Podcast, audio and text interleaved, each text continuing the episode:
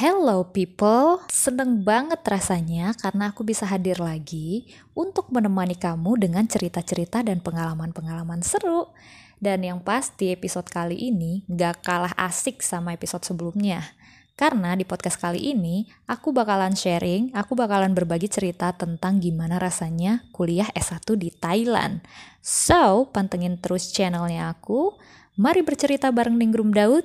Yuk, mari!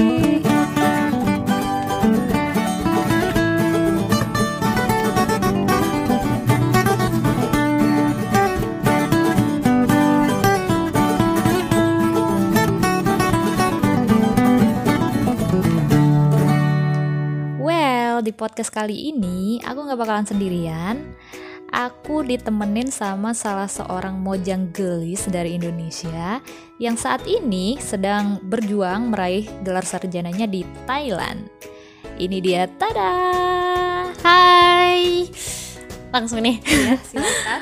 Aku Hasna Fairuza dari Bandung dan sekarang lagi belajar di Prince Songkla University tahun ketiga jurusan Information Communication Technology, fakultasnya Communication Sciences. Hmm, kayaknya seru banget tuh fakultas dan jurusannya. Nanti kita bakalan ngobrol-ngobrol lebih lanjut sama Nana. Tapi kayaknya kurang afdol gitu kan kalau kita belum dengar beberapa testimoni, beberapa pesan dan kesan eh, mahasiswa-mahasiswa S1 yang ada di Thailand. Jadi kita cekidot dulu sama kata-kata kata mereka. Kata-kata kata-kata kata-kata kata mereka. Huhu. Halo, nama saya Missy Selviani. Saya dari Tasikmalaya, Jawa Barat, Indonesia. Uh, saya belajar S1 di Prince of Songkla University, uh, jurusan Islamic Studies International Program, Faculty of Islamic Sciences. Uh, perasaan saya, uh, saya senang bisa belajar di sini karena banyak pengalaman uh, yang bisa didapatkan dan juga banyak teman-teman dari berbagai negara. Tetapi um, ada juga yang kurang disukai di sini. Misal banyak menggunakan bahasa Thai dan kita terkadang itu nggak paham sama sekali. My name is Hilal. I'm come from China. I'm feel happy study here. Very happy because people here, Badani here, very kindly, very easy going. If I have any trouble, they can help me. But anyway, they also have something and don't like it because like they have a lot of activity. So I don't like because even in study time they also have activities. So I don't like this because they are come here to study, not to enjoy activity. Hi, I am ahmed Rizwan. Um, I am from Sri Lanka. Mm, according to my feeling about studying bachelor degree in Thailand, it's really a wonderful country, and I have earned so much different qualities and useful experiences. Currently, I am going on in my second year, and I'm on the way to get my bachelor degree here. Mm, living and learning in Thailand has changed my mind and views on so many things. I have got many friends, many foreign friends also. I'm really enjoy my studies with them and also I'm really happy. I feel amazing. Seriously. Thank you.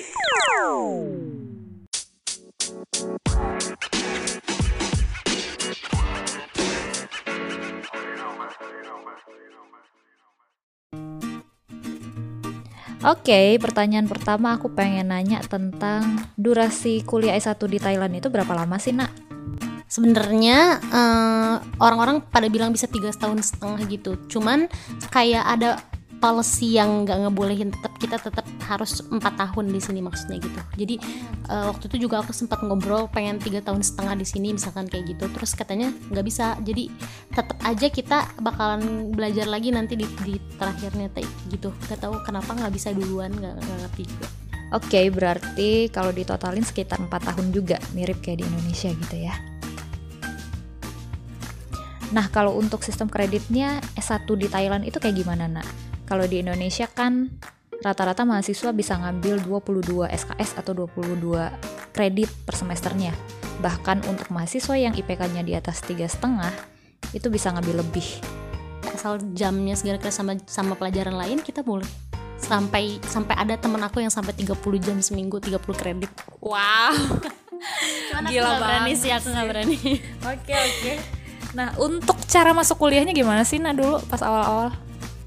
teman-teman Indonesia banyak yang eh, daftarnya banyak yang beasiswa ya atau yang Islamic itu. Cuman kalau kalau jurusan aku pribadi bisa dapat beasiswa setelah masuk gitu. Oke. Kita harus apply lagi gitu. Sebenarnya banyak beasiswa di provide gitu ya dari pemerintah, dari mana-mana. Cuma untuk awal mungkin eh, masuk dulu, terus nanti nyari beasiswa. Kalau kalau jurusan aku Oke, nah kalau untuk dokumen-dokumen, terus tes-tes sebelum masuk, kalau di Indonesia kan kita harus kayak ikut apa sih kalau zamannya aku tuh SPMB ketahuan banget, ketahuan banget itu zaman kapan ya? SBMPTN Nah itu itu itu. Kayak semacam itu atau ujian masuk atau ujian-ujian apalah gitu yang kadang tuh banyak banget. Abis ujian ini ada ujian ini ada ujian ini. Nah kalau misalnya untuk kuliah S1 di Thailand sendiri itu ada nggak sih kayak ujian-ujian atau dokumen-dokumen yang harus di kalau aku sendiri waktu masuk itu cuman tes kesehatan terus TOEFL terus apa lagi ya eh, statement juga Oke, Statement jadi kayak juga. recommendation Iya, kayak gitu. recommendation. Eh, terus eh, statement yang dari diri sendiri Oh, loh, oke misalnya oke. Kayak essay ya esai Nah, esai yang yang kayak essay. motivation letter ya, kind of motivasi, gitu. ya. tapi nggak ada tes sih kalau aku Hmm. Cuman yang Islamik juga setahu aku nggak ada tes cuman kayak ada Syarat-syarat syarat ya iya, nggak ada requirement gitu ya. Requirement. Ya soalnya pada umumnya yang mas ngambil jurusan apa sih Islamic Studies itu dia lewat beasiswa gitu. Jadi Iya. mungkin lebih agak ketat gitu ya Iya, gitu iya. persyaratannya. kalau aku nggak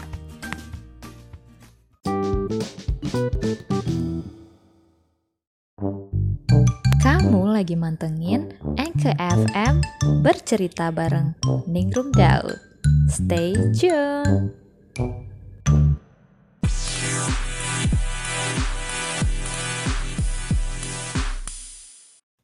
Tadi kita udah sempat ngobrolin tentang sistem kredit, gimana cara masuk, dan dokumen-dokumen penting yang harus disiapin kalau mau kuliah di Thailand. Nah, untuk style belajarnya sendiri di kelas, itu kayak gimana sih, Nak? Hampir sama kayak SMA loh. Oh, Kayak- serius? jadi kayak dia tuh bener-bener ngajarin banget. Eh bahkan mbak mostly kebanyakan ngaj apa bener-bener ngecepokin gitu loh. Tapi ada juga yang dosen banget ya maksudnya yang kan kata orang tugas tugas gitu terus suruh nyari sendiri. Ada juga yang kayak gitu. Terus tapi yang aku senengin sih kan karena aku sendiri nih orang orang internasional sendiri di jurusan aku. Jadi dosen-dosen tuh emang concern oh ini eh, ini nggak eh, takut gak ngerti kalau mereka mereka suka nanya gitu ke aku Hasna uh, kocai mai gitu. Hasna uh, kocai mai itu paham nggak ngerti nggak? Do you understand? gitu.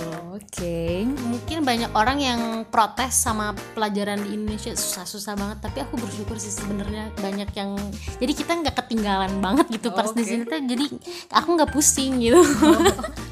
Jadi pintar sendiri ya, karena udah duluan.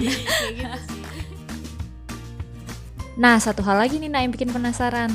Kita kan orang Indonesia itu kalau selama dari SD sampai SMA tuh udah biasa banget yang kayak harus pakai seragam sekolah gitu kan.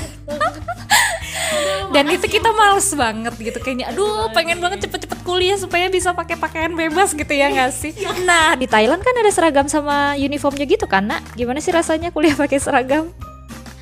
Ya karena polisi dari negara kali ya, karena dari kerajaan memang harus gitu. Kalau kalau universitasnya universitas negeri, ba- bachelor tuh memang harus pakai uniform. Sebenarnya aku aduh enggak banget. Tapi banyak dosen-dosen yang santai juga mungkin karena kebanyakan dosen-dosen di sini tuh dulunya kuliah di luar negeri kali ya, Mbak. Jadi jadi mereka tuh udah biasa sama yang free gitu kayak ya udah bebas freestyle aja gitu. Terus aku juga kayak ya udah freestyle aja. Teman dari dari tahun pertama udah freestyle nih tapi eh, suka kadang-kadang dinyinyirin sama senior gitu. Kamu tuh yang bener dong pakainya sopan bla bla bla gitu lah gitu.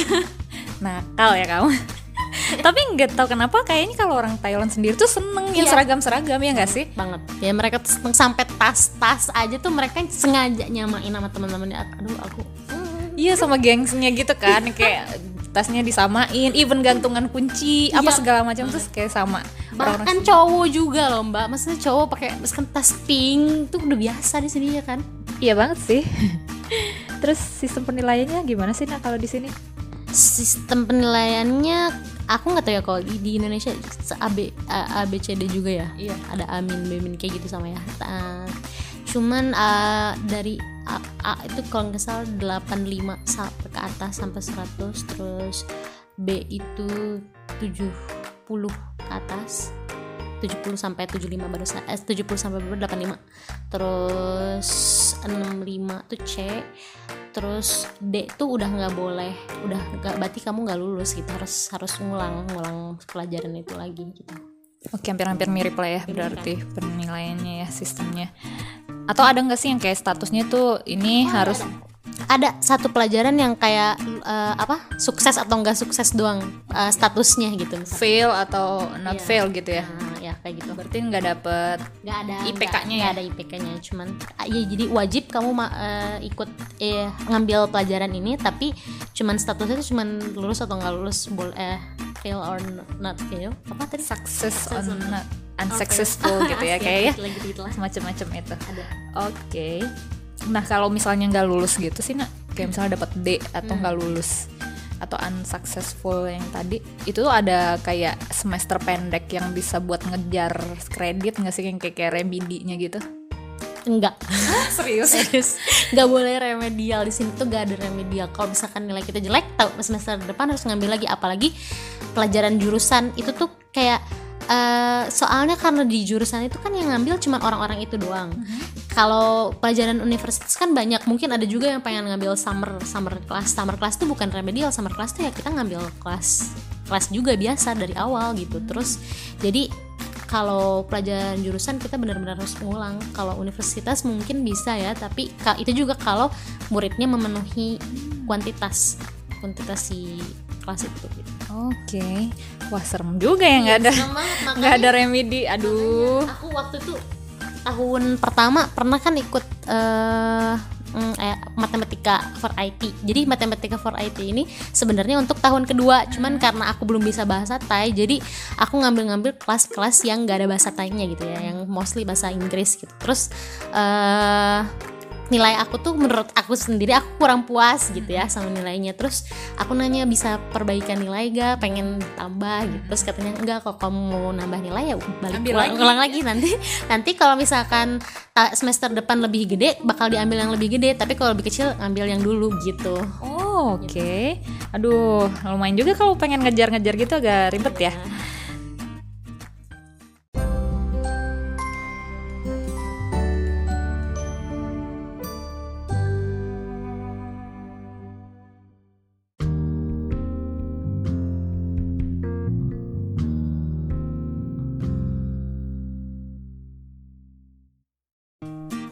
Banyak banget nih yang penasaran kalau misalnya kuliah S1 itu bahasa pengantarnya apa sih? nah ini Langsung ketawa nih. ini nih sebenarnya ribet juga ya pusing juga sebenarnya kalau jurusan aku pribadi. Soalnya mereka tuh belum provide internasional sebenarnya. Jadi eh, meskipun meskipun kita bisa minta minta ajarin kebetulan acan-acan di sini atau Acan tuh apa sih? Acan? lecturer lecturer. Apa dosen-dosen di sini Oke. baik baik banget nggak sih mbak? Heeh, kan? Ya kan? Iya, iya. Baik-baik banget. Jadi eh, ketika kita nggak na- eh, ketika kita nggak ngerti di luar jam kelas pun kita bisa ketemu gitu. Sampai aku pernah private dua jam. Wow. nggak nggak bayar lagi ya ini. Private dia ngajarin bener-bener ngajarin lagi dari awal. Eh, tapi eh, memang pas di kelasnya mereka ngomong bahasa Thailand mostly Oh, oke. Nah, selain ada apa sih perhatian khusus gitu dari dosen-dosennya, tapi emang iya sih kayak dosen-dosen di sini tuh eh, kayak passionate banget emang ngajar gitu, emang beneran pengen make sure semua studentnya itu ngerti gitu kan. Itu ada nggak sih yang kayak preparation course bahasa Thailand gitu yang di provide sama universitas? Hmm. Eh, kalau di di jurusan aku ada ya waktu itu. Ada juga yang dari universitas tapi itu kayak basic banget kayak eh, bahasa daily life gitu ada. Nah terus eh, ada juga yang dari fakultas aku juga ada. Dia provide juga dan nggak nggak bayar free ya. Terus eh, nggak dimasukin ke ini juga ke Kredit. Kre- nggak dimasukin ke kredit yang dari fakultas. Tapi kalau yang di universitas tuh ada yang masuk kredit. Mbak juga sebenarnya bisa ikut kayaknya. gitu. ya bisa ikut. Adanya di semester 2 kalau nggak salah.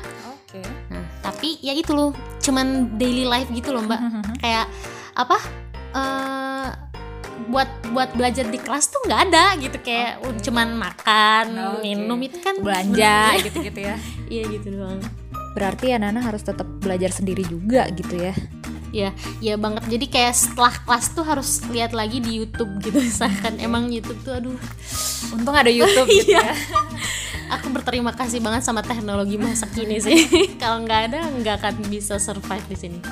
Tapi jangan takut sih ya kalau misalnya buat teman-teman yang pengen ngelanjut ya jangan. kuliah di Thailand yang pengen gitu ada keinginan.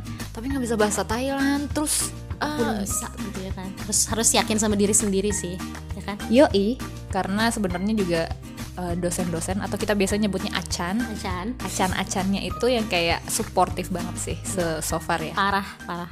Baik baik banget.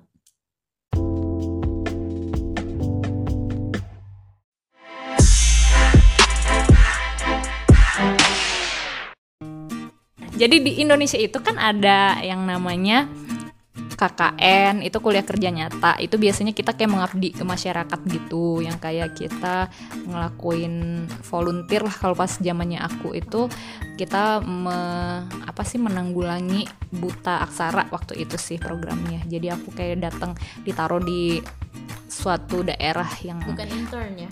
Bukan di daerah terpencil terus kayak aku mengabdi gitu ngajarin baca tulis orang-orang yang ada di situ. Terus kita juga punya kalau di Indonesia itu KKL KKL itu kuliah, kuliah kerja lapangan. Itu lebih kayak study tour gitu sih kayak datang ke Nah, itu baru intern. Belum belum belum. nah terus ada yang kayak internshipnya juga. Oh, kalau ya? internshipnya itu kayak kita ke perusahaan atau ke de- kerja. departemen tertentu untuk praktek kerja lapangan kalau nggak salah PKL tuh. Kalau PPL tuh praktek apa ya? Pokoknya kayak guru gitu. Dia datang ke sekolah-sekolah. Mm-mm, PPL. pas iya kayak semacam PPL atau PKL nah kalau aku PPL-nya itu kayak ke eh, pengadilan negeri Hmm. pengadilan-pengadilan gitu-gitu. Kalau di Thailand ada nggak sih kayak gitu? Kalau untuk KKN yang aku tahu KKN tuh kayak sebulan gitu nggak sih mbak? Teman-teman aku lagi abis KKN sih terus sebulan kalau nggak salah. Kalau kita ada yang sampai kayak tiga bulan gitu? tiga bulan? Wow itu lama sih. Terus yang harus ke desa-desa gitu kan? Iya iya iya. Nah, tapi kalau di sini ada kayak volunteer gitu, Mm-hmm. kayak barusan pelajaran yang aku bilang yang sukses atau enggak sukses itu tuh volunteer. oke Ujiannya itu vo- nge-volunteer satu minggu, cuman satu minggu. Bahkan sebenarnya cuman satu hari sih. Mhm. Kita kita nggak ngajarin bikin kegiatan itu cuman satu hari. Terus ada ada eh, ininya apa? Apa sih? Apa sih mbak itu? apa Setelah jadi tuh harus bikin Laporan? Ah, laporan. Oke. Astagfirullah. Iya laporan harus bikin ada ada laporannya. Cuman nggak tahu sih, tapi bilang teman-teman aku bilangnya harusnya satu minggu, tapi kan foto-fotonya cuma di satu hari. Oke, Curang oke. sih sebenarnya. Oke, sebenarnya kayak satu minggu gitu durasi. Iya, asli sebenarnya gitu satu ya. minggu. Oke, yang untuk internship juga ada. Internship iya itu wajib semua jurusan.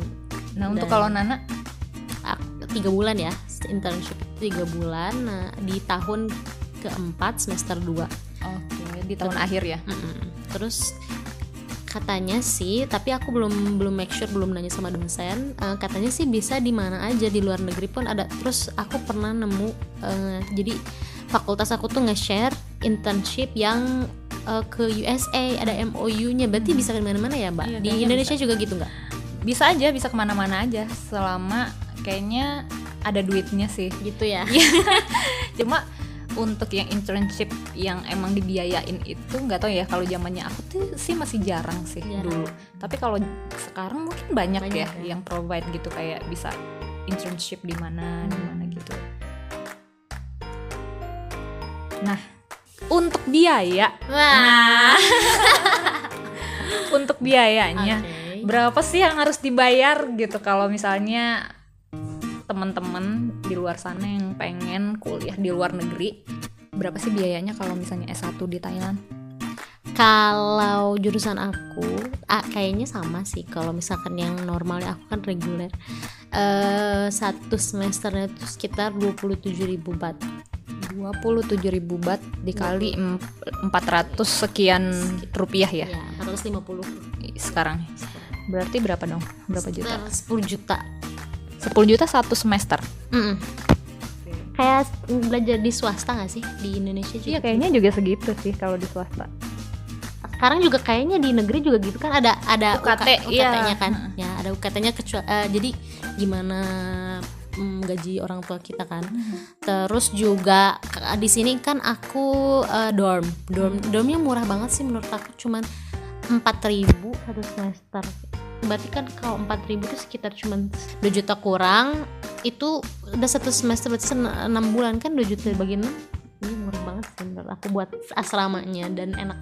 Oke, so kayak 27 ribuan itu itu udah all in atau harus bayar lagi kayak uang bangunan, kayak uang buku, kayak uang ekstrakurikuler atau apa-apa gitu. Enggak, itu udah all udah semua. Udah ya udah tinggal kuliah aja Ya, pokoknya gitu belajar Dari ya. dari dari awal pun gak ada uang pendaftaran dan lain-lain enggak. Oh, Cuma serius? Cuma 27 ribu aja dari awal. Oke, jadi dari awal masuk semester langsung sampai nanti lulus bayarnya tetap segitu Iya. per semester gitu. Itu jurusan aku. Untuk jurusan lain aku belum tahu.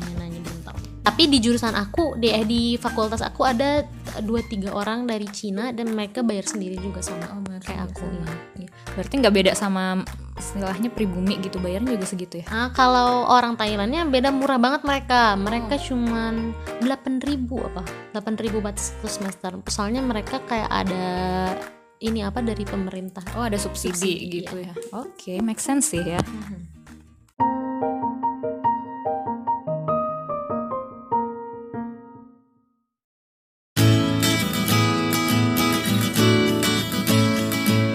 Mari bercerita.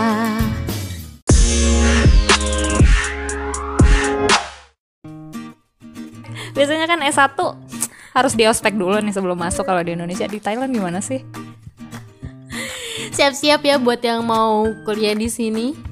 Mosnya itu waktunya satu tahun. Wow, serius? seriusan dan tapi nggak set- satu tahun itu setiap hari kita mos. Cuman ada eh, setiap ada waktu luang mereka misalkan nanya ada grup nih. Terus nanya hari ini ada kelas gak Nah, malam ini ada. Biasanya sih sabtu minggu ya mereka panggil kak si senior Dan senior. aku lihat tuh sampai kadang malam-malam gitu pulang kelas gitu ya nggak sih? iya sampai sampai tengah malam lah kan jadi sabtu sampai tengah malam. Itu aku nggak ngerti sih sebenarnya aku nggak ngerti apa mer- mereka melakukan kegiatan apa aja itu ya nggak nggak terlalu penting sebenarnya tapi mungkin cuman untuk mendekatkan diri sama adiknya. Tapi sampai setahun gitu hmm, gimana ya? Tapi sebenarnya seniornya galak-galak nggak sih? Hmm, tergantung jurusan. Kak, ada Takut juga- nih, takut nih jawabnya. tapi mereka kan nggak ngerti juga kalau denger ya eh, tergantung jurusan katanya sih jurusan education.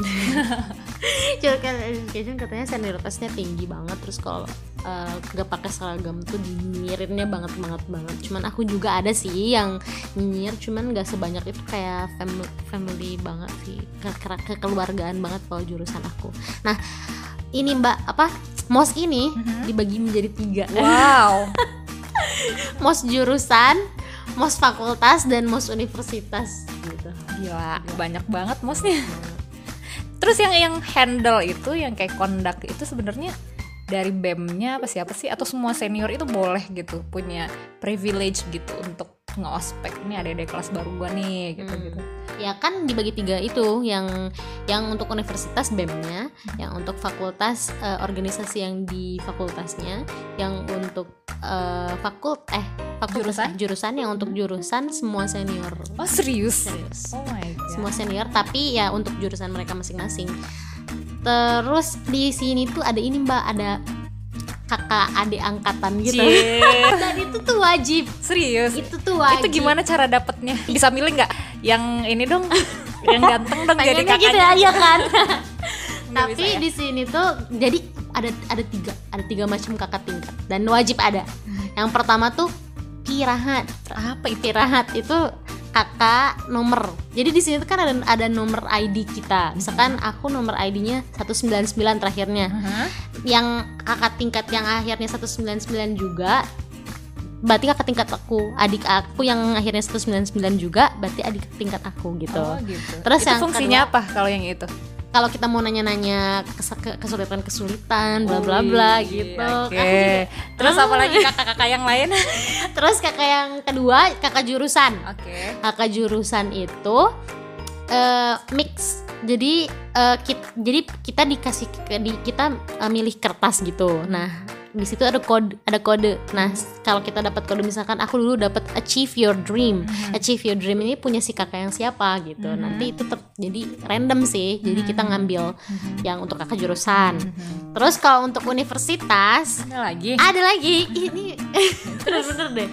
Untuk universitas itu dipilihinnya sama universitas. Jadi ada eh, final final most di final most itu Kayak hari terakhirnya gitu. ya hari terakhir itu. Ada hari terakhir most itu ada kita eh, harus datang. Tapi untuk tahun kedua doang ya. Tahun 3 tahun 4 udah nggak usah ikut. Tahun kedua tuh kita harus ikutan eh, masuk ke kegiatan itu. Terus nanti kita dapat adik gitu. Jadi setiap tahun kedua harus ikut mos yang itu. Mos yang adik pertama yang finalnya itu. Terus terakhir mos itu kan by freshie namanya ya. Nah di by freshie party ini kakak-kakak angkatnya semua datang yang tiga itu yang barusan. Atau yang deketnya juga biasanya misalkan kita dekat sama kakak tingkat siapa nih mereka datang terus ngasih ngasih hadiah gitu. Nah, seru banget dong abis di setahun di gojlok gitu kan Iya, terus habis iya. itu dikasih hadiah. Seneng sih pas bagian itu seneng banget kayak banyak banget bawaan dan mereka datang banyak. Aduh seneng sih dapat hadiah. Cia kakak adean. Tapi sekarang udah udah nggak ngobrol lagi sama kakak serius? Adik tapi sebenarnya itu bagus sih itu kayak bikin eh, nyiapin body gitu kan untuk untuk eh, apa sih mahasiswa baru. Jadi misalnya dia kesulitan kalau misalnya dia apa bisa bisa emang ada yang ngebantu gitu. Baik nggak kakak kakaknya Nana? Body brother di sana kakak kakaknya aku tuh orang internasional juga dari Oke. Kamboja. Oke. Jadi nggak tahu sih random tapi aku dapetnya itu bagus ya sebenarnya jadi bener-bener bisa ngobrol cuman lak- laki-laki aku tuh kurang bisa ngobrol sama laki-laki halo gaya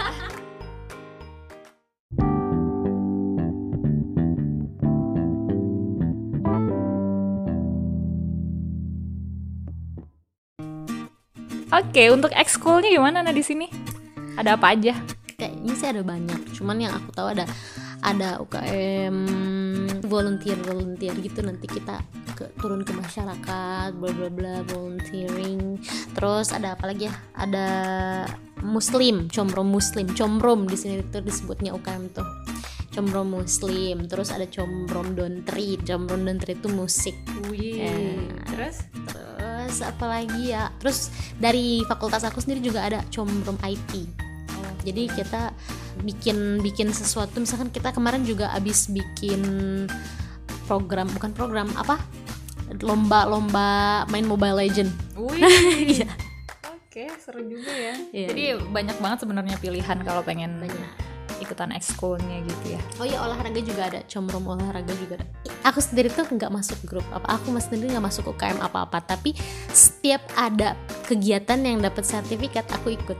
Aku bilang aku mau ikut dong sama com- sama si ketua combrom ini, dia dibolehin. Jadi aku sih itu ya. Jadi daripada ikut, aduh aku tuh kurang suka yang meeting meeting, bla bla. Apalagi kan mereka pakai bahasa Thailand. Aku mau ngasih masukan juga mereka nggak ngerti. Jadi aku lebih baik ketika mereka ada kegiatan aku ikut gitu. Nah, selain ekskul ada aktivitas-aktivitas lain gak sih yang di-provide sama universitas gitu untuk mahasiswa S1 contohnya. Kalau kayaknya S2 itu udah jarang banget sih aktivitasnya karena mungkin lebih fokus sama research gitu. Kalau S1 banyak gak sih? Nah, kalau soal aktivitas sebenarnya bukan di provide tapi mesti harus kita harus ikut aktivitas minimalnya itu 100 jam.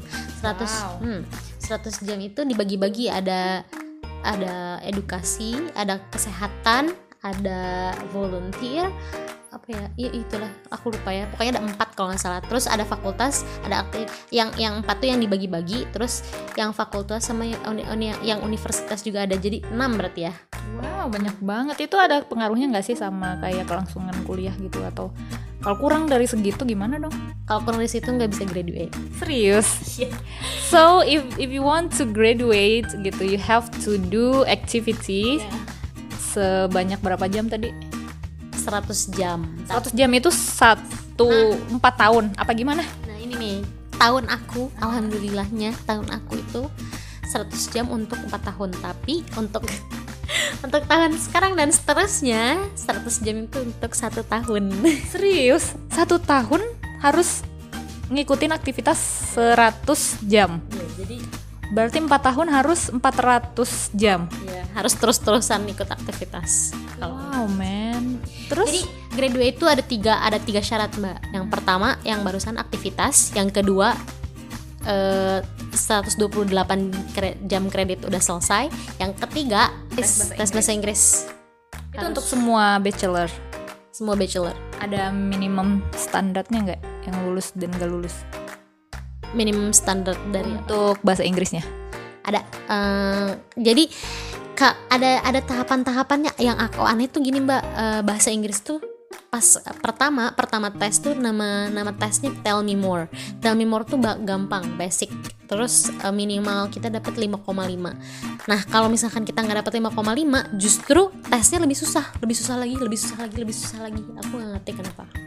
Berarti kalau misalnya kita udah tes kayak IELTS, kayak TOEFL gitu nggak bisa dipakai sertifikatnya. bisa. Oh satu lagi. Ada olahraga jam olahraga. Dalam empat tahun itu kita harus ngambil satu pelajaran olahraga. Kalau nggak nggak bisa graduate. Jadi ada empat syarat. Tadi harus masukin satu pelajaran olahraga. Aktivitas harus lebih dari 100 jam per tahun berarti mulai sekarang terus bahasa Inggris sama 128 jam kredit Kalau di sini ada nggak sih bikin skripsi juga? beberapa beberapa fakultas ada cuman kayak aku nggak kayak aku cuman final project bikin eh, kerangka kerangka program ini tuh apa di describingnya nanti baru bikin programnya dipresentasiin ke dosen terus dia nanyain itu gimana Jadi Gimana kayak gitu. tugas project akhir untuk bikin sesuatu gitu Iya. ya.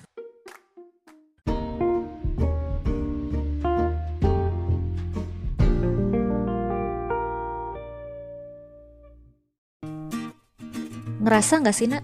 Kayak banyak banget nggak sih party-party buat bachelor di sini?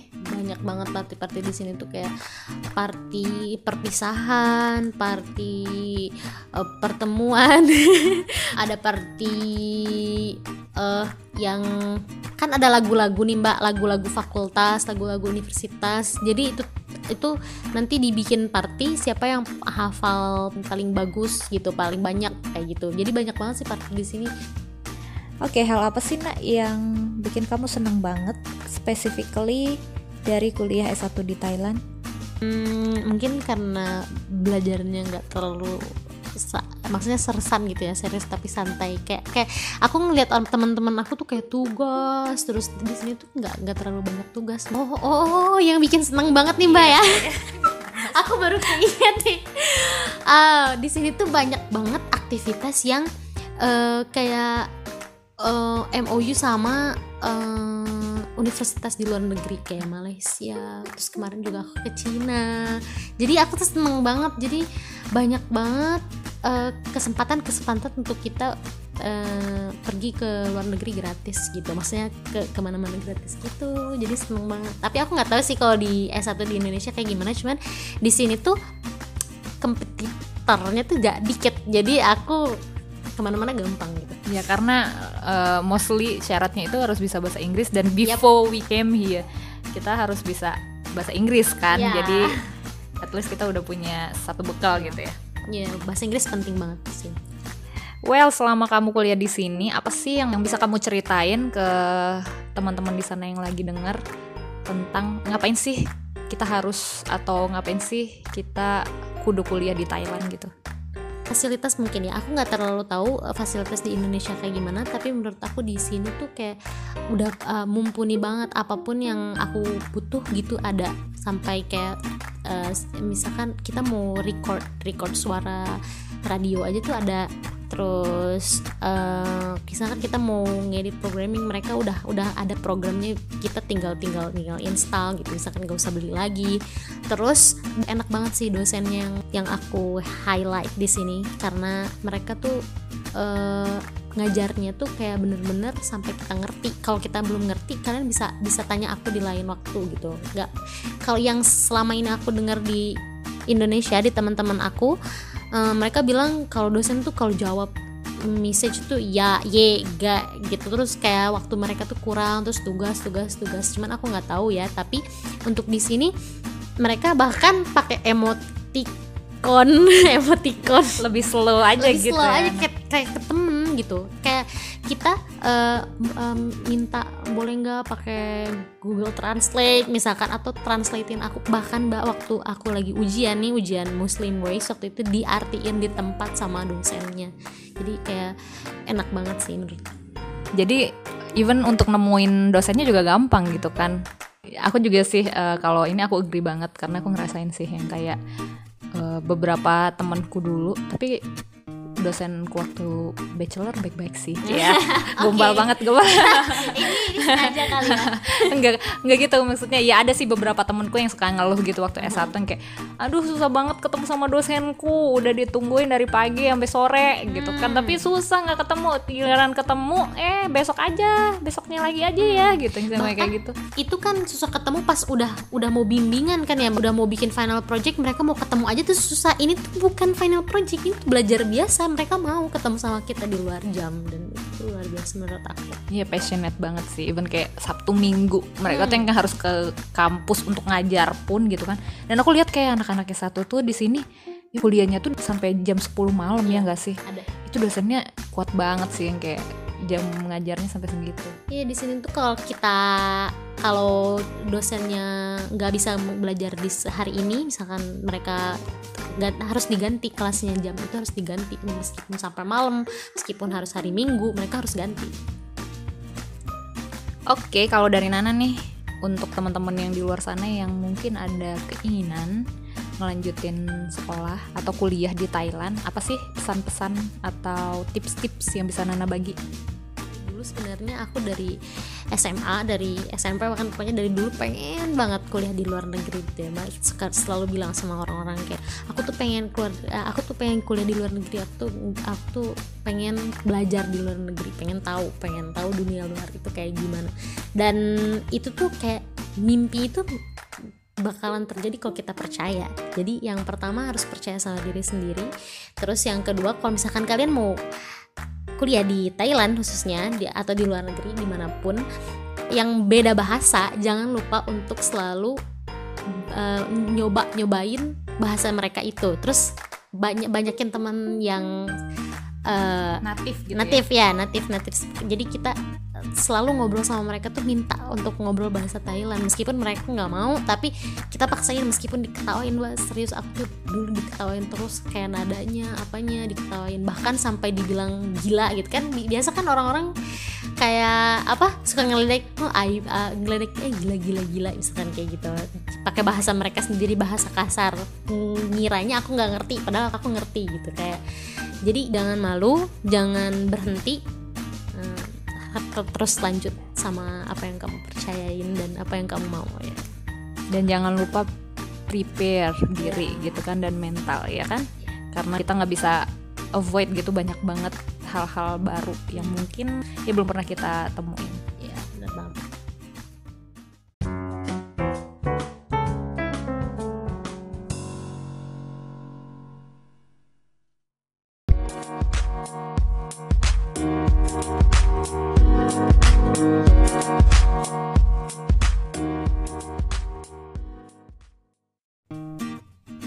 Oke, makasih banyak nih aku ucapin untuk Nana yang udah bersedia nemenin aku sama bikin postingan ini. Semoga informasi dan cerita-cerita kita hari ini bisa bermanfaat untuk eh, teman-teman semua bisa ngasih info-info baru. bisa memotivasi juga ya Iya, itu yang paling penting sih. Well, sampai ketemu lagi di podcast selanjutnya. Aku Ningrum Daud. aku Hasna Fairuza Ciao. Kamu baru aja mantengin program Bercerita bareng Ninggrum Daud. Terima kasih.